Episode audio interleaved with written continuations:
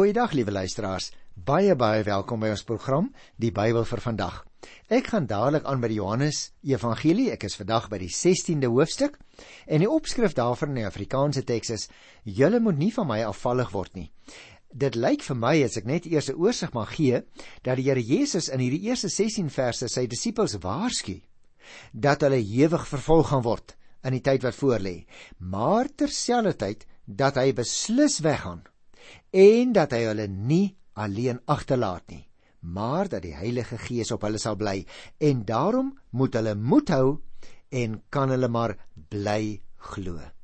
Kom ons begin sommer by die eerste vers. Johannes 16. Hierdie dinge sê ek vir julle sodat julle nie afvallig word nie. Jy sien liewe luisteraar, die Here Jesus se onderrig aan sy disippels is baie doelgerig. Hy berei hulle voor sodat hulle nie afvallig moet word nie. En dit is ook een van die redes hoekom jy en ek die woord van die Here moet ken. Want die woord van die Here wys ons elke keer op Jesus Christus. Die woord weerhou ons juis daarvan dat ons nie afvallig sal word nie. Vers 2 sê: Die mense sal julle uit die sinagoges ban. Daar kom selfs 'n tyd dat elkeen wat een van julle doodmaak, sal dink dat hy 'n diens aan God bewys. Kan jy dit glo? Hy vertel vir hulle, hulle sal selfs uit die sinagoge as Joodse bidplek en van die gemeenskapsentrum af destyds geban word. Dit beteken natuurlik ook uitsluiting uit die Joodse gemeenskap en uitsluiting uit die aanbiddingsgeleenthede. En hierdie vervolging sê hy sal so toeneem dat hulle selfs deur die godsdienstige owerhede doodgemaak sal word as daar enigsins 'n kans is om hulle lewe van hulle af te neem. Nou hierdie woorde, liewe luisteraars, dink ek moes 'n geweldige werklikheid geword het toe die Christene van die Johannese gemeente in sy eie tyd eers uit die sinagoges geban is en selfs ook partykeer so vervolg is dat hulle hulle lewe verloor het. 'n Mens lees selfs daarvan in buitebybelse bronne. Jy sien die breuk tussen die Christene en die sinagoge. Of as jy wil, die breuk tussen die gemeente en die Jodendom is een van die ongelukkige gebeurtenisse in die geskiedenis van die vroeë kerk. Dit het wrywing en konflik tot gevolg gehad en veral na vore gekom in die Johannese geskrifte. En die oorsaak was juis dat die Christene openlik bely het dat Jesus die Messias is, die seun van God. Want hulle kon tog ook nie anders nie nie waar nie. Dit is waarvoor die Here Jesus hulle geroep het. Nou luister net na vers 3. En dit sal hulle doen omdat hulle die Vader nie ken nie en my ook nie. Die tyd het met ander woorde aangebreek dat Jesus nou na sy Vader toe teruggaan. En die disippels was tot nou toe bekommerd oor hulle self. En hulle vra nie eers die Here Jesus na sy bestemming nie.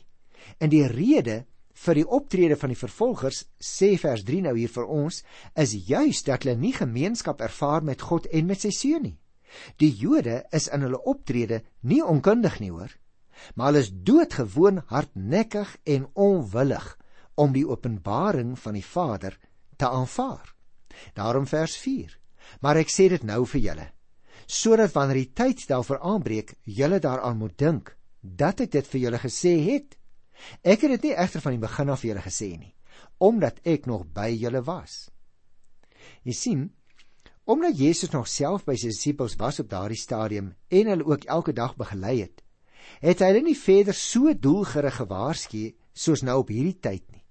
Want nou het die tyd van afskeid finaal aangebreek. Terwyl hy nog by hulle was, sê hy, was die aanslag eintlik op hom gerig Nou verskuif die vervolging egter na hulle kant toe en o, hulle dit baie baie erg aan hulle eie lyf ervaar nie lank hierna nie. Ek dink dit moet vir ons ook 'n les wees, luisteraars, ons wat dikwels in sulke gerieflike omstandighede woon. Hoe diep strek jou en my geloof werklik?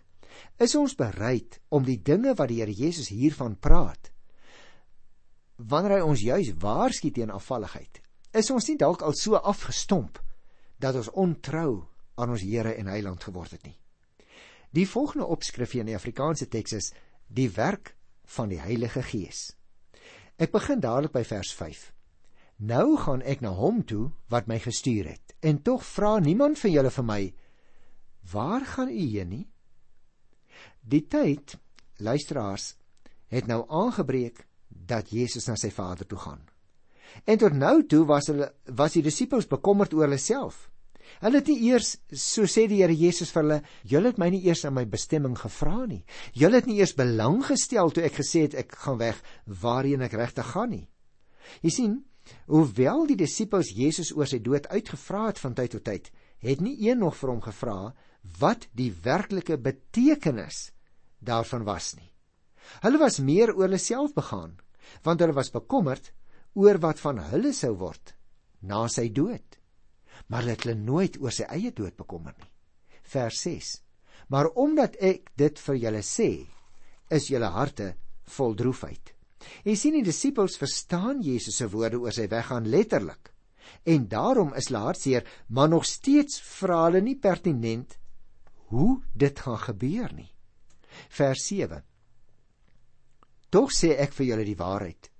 Dit is tot julle voordeel dat ek weggaan, want as ek nie weggaan nie, sal die voorspraak die Heilige Gees nie na julle kom nie. Maar as ek weggaan, sal ek hom na julle toe stuur. Met ander woorde, die Here Jesus verseker nou sy disippels dat dit tot hulle voordeel is dat hy weggaan. Want dit is eers na sy kruisgebeure. Dit wil sê na Jesus se weggaan, hoewel hy nog nie die kruis duidelik uitspel nie, sal hy die Heilige Gees stuur. Dit is slegs na Jesus se versoeningswerk waar die disippels die Heilige Gees in sy volheid sal ontvang.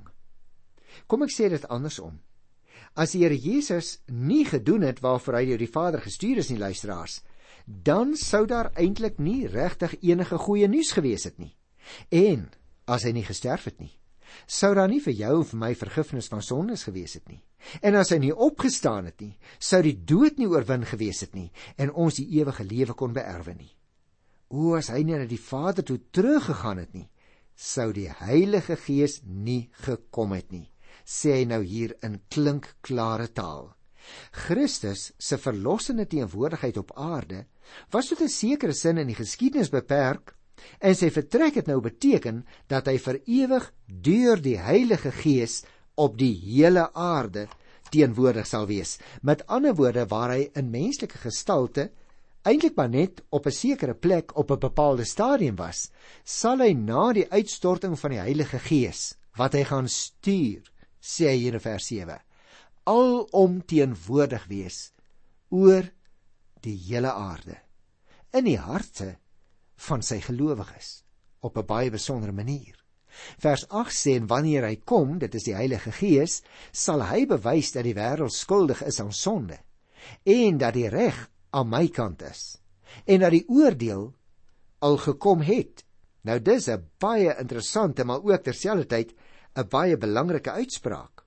Wanneer die Heilige Gees kom, sê die Here Jesus, sal hy aan die ongelowige wêreld sonde voorhou en hom oproep tot bekering. Met ander woorde, die Here Jesus se weggaan het ook vir ongelowiges die voordeel dat die Heilige Gees juis die wêreld sal oortuig van sonde.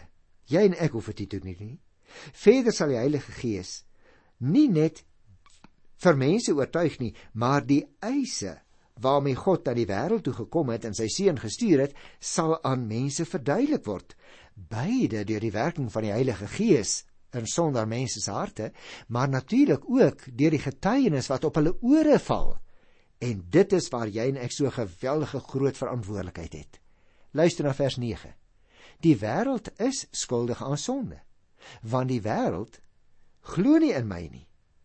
Jy sien, liewe luisteraar, die wêreld gaan nog steeds gebuk onder die juk van die sonde omdat die wêreld nie in die Here Jesus glo nie. En dit is hoekom jy en ek moet voortgaan elke dag saam met die getuienis van die Heilige Gees en onder leiding van die Heilige Gees en in die krag van die Heilige Gees Handelinge 1:8 om Jesus Christus te bely. Vers 10 spel dit verder uit. Die reg is aan my kant, want ek gaan na die Vader toe en julle sal my nie meer sien nie. Nou dink ek moes die disippels seker met gespitste ore gesit het. Want die Here Jesus sê nou vir hulle, hoewel hy nog steeds nie pertinent van die kruis praat nie, sê hy vir hulle wat in die nabye toekoms gaan gebeur. Hy verduidelik ook vir hulle ek is die regverdige. Met ander woorde, ek het die reg aan my kant. Hoekom? Omdat die Here Jesus aan God se eise voldoen het. Nou luister net na die 11de vers. Die oordeel het al gekom. Want die owerste van hierdie wêreld is klaar veroordeel. Nou dit is natuurlik 'n baie baie belangrike uitspraak. Jy sien die Satan as owerste van hierdie wêreld is klaar veroordeel deur Jesus se oorwinning wat hy binnekort aan die kruis sou behaal. En daarom gaan hy voort te vers 12. Ek het nog baie dinge om vir julle te sê, maar julle sal dit nie nou begryp nie. Die disippels is nog nie in staat om alles te begryp voordat die Heilige Gees gekom het nie.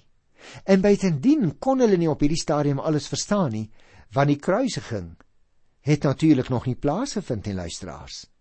Vers 13 Wanneer hy die Heilige Gees kom, die Gees van die waarheid, sal hy julle in die hele waarheid lei. Wat hy sê, sal nie vir homself kom nie. Hy sal net sê wat hy hoor en hy sal die dinge wat gaan kom aan julle verkondig. Nou dis wonderlike woorde wat hier staan luisteraars. Die Heilige Gees sal die disippels dieper inlei in die hele waarheid staan daar. Nou dit is natuurlik die hele waarheid van God wat in Jesus Christus bekend geword het deur sy koms. Die Gees getuig net wat hy hoor, lees ons. En hy sal die toekomstige Christelike pad aan die disippels verduidelik. En dit is hoekom dit so wonderlik is dat die Heilige Gees gekom het, né?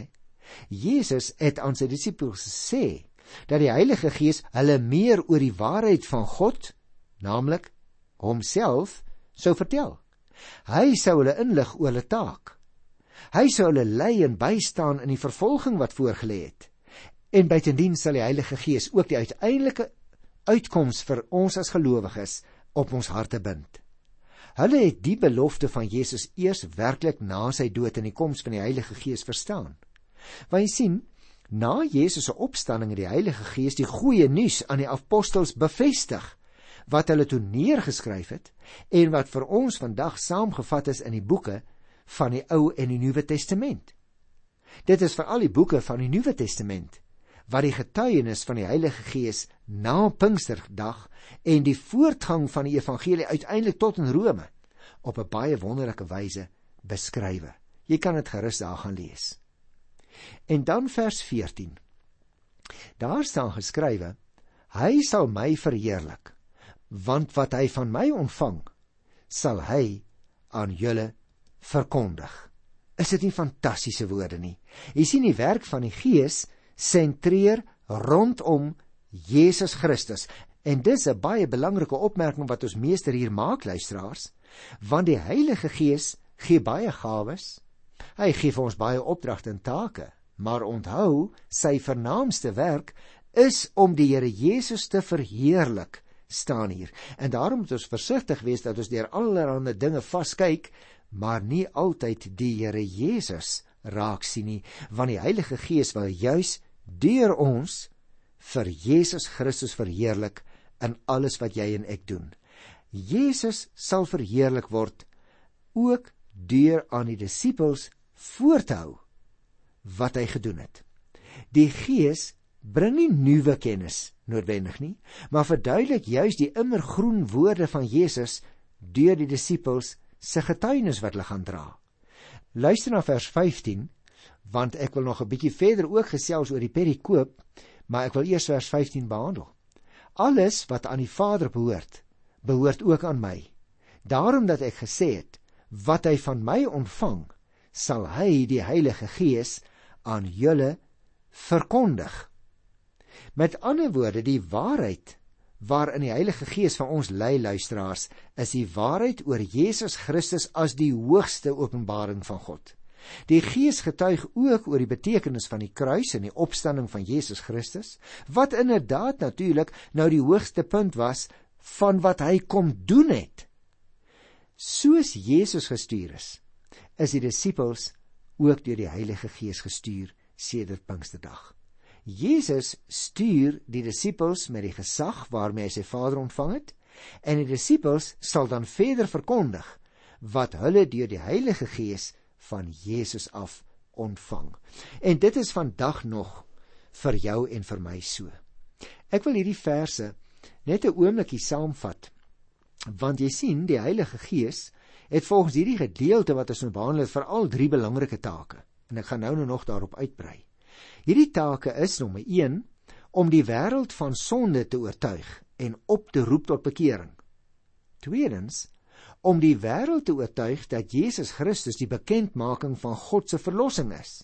En derdens om aan te toon dat Christus deur sy dood en opstanding die Satan geoordeel en oorwin het. Kom ek sê dit andersom luisteraars. Die Heilige Gees bring nie noodwendig nuwe kennis nie soos ek net nog gesê het, maar die Heilige Gees wil in die eerste plek bevestig wat God alreeds deur sy seun Jesus Christus kom doen het want hy het juis gekom om die wêreld wat gebuk gaan om 'n sonde te verlos. En daarom, as jy en ek ons sondes bely, stel God ons weer in die regte verhouding met hom. En herinner die Heilige Gees ons ook van ons vryspraak en ook dat Jesus Christus juis betaal het sodat die Heilige Gees daardie vryspraak aan ons kan verkondig, dit op ons harte kan bind en vir jou as dit ware kan sê, luister, My kind, ek wil vir jou persoonlik sê, die Here Jesus Christus het mos vir jou betaal.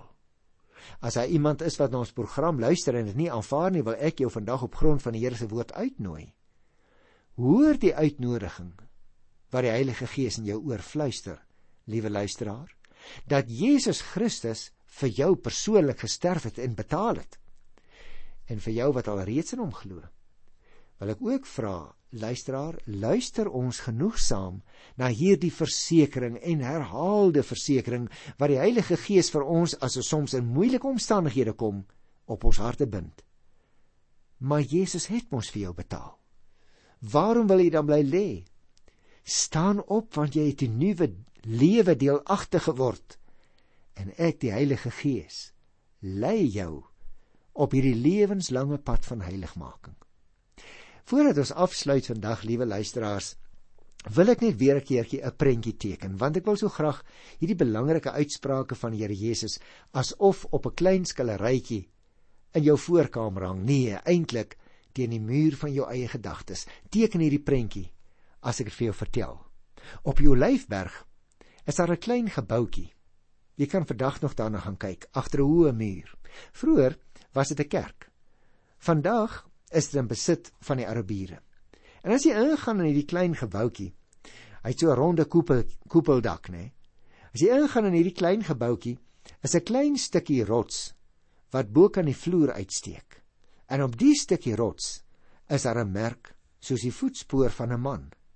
Nou daar's 'n baie ou tradisie en volgens hierdie tradisie is dit die spoor van Christus, sy laaste voetmerk op aarde voor sy hemelvaart. En vir die tradisie bestaan daar geen bewyse nie. In kort, eintlik is dit twak. Want jy sien, ons is nie gebonde aan 'n voetspoor nie. Ons het nie 'n merk nodig op 'n rots nie.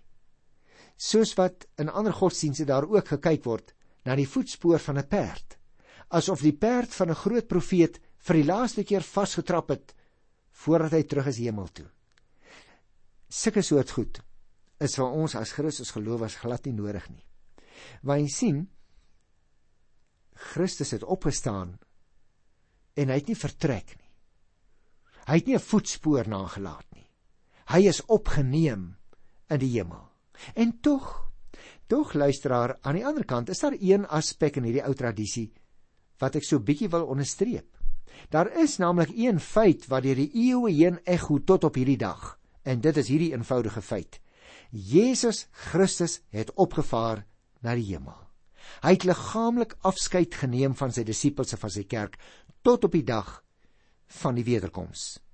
En in die tussentyd het ons nou vandag by hernuwing geleer, het hy die Heilige Gees gegee wat hy beloof het om ons te herinner, om ons by te staan en om ons te troos. Maar weet wat? Daar's ook 'n dilemma by jou en my. Want tussen die hemelvaart en die wederkoms moet jy en ek lewe uit 'n godsdiens waarvan 'n buitestander sou kon sê, maar die Here Jesus is dan in die hemel.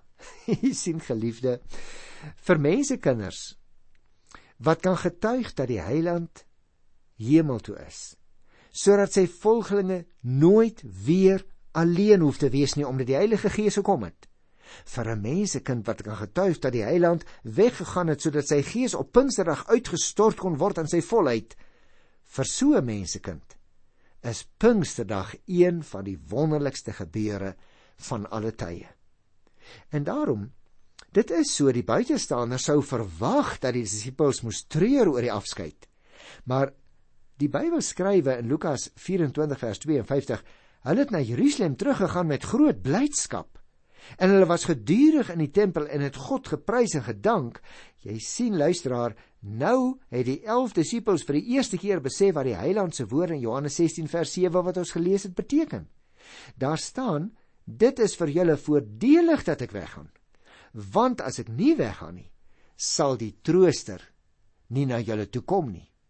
Het jy opgelet? Die Here Jesus het nie gesê waarom die trooster nie sal kom as hy sou weggaan nie. Die rede waarom dit nie moontlik is nie, sal ons nie regtig weet nie. Behalwe by wyse van spekulasie en daarom wil ek daarom wil ek my nou nie graag waag in ons program nie. Maar wat ek nou wil uitlig hierdie gedeelte voordat ons afstap vir vandag is juis hierdie belangrike waarheid. Waarom is die hemelvaart vir ons so voordelig? Eerstens het die disippels juis by die hemelvaart finaal geweet Jesus is die Messias van God.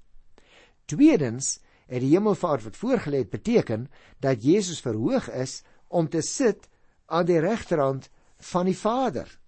En derdens en ek dink dis baie belangrik wat ons nou uit hierdie gedeelte gelees het vandag, hy is ons voorspraak en ons voorbidder. As jy agter in die Bybel gaan lees, dan sê jy sien dat hierdie selfe Johannes in 1 Johannes 2 vers 1 sê as iemand gesondig het, Ons het 'n voorspraak by die Vader. En is wonderlik, daar praat Johannes van die voorspraak Jesus Christus. Hier in Johannes se evangelie praat hy van die voorspraak, naamlik die Heilige Gees. En daarom, liewe luisteraars, as ons vir vandag se program afskeid neem, dan wil ek by hierdie eerste klompie verse in Johannes 16 baie duidelik sê: Die werk van die Heilige Gees fokus in die eerste plek op Jesus Christus. Die Heilige Gees wil hom verheerlik. Die Heilige Gees wil sy verlossingswerk op sondaars se harte bind. Die Heilige Gees wil in hierdie oomblikke jou en my hart rig en fokus op die Here Jesus Christus. Voordat ek amen sê, kom ons aanbid hom. Liewe Here, Dankie dat u gees gegee het om by ons te wees en in ons te woon en wat in hierdie oomblikke ook ons volle aandag vestig op Jesus Christus die Messias die koning die prins van alle vrede ons aanbid hom vir wie hy is amen liewe luisteraar ek groet jou tot volgende keer in die naam van Jesus Christus onder die leiding van die Heilige Gees. Tot dan. Totsiens.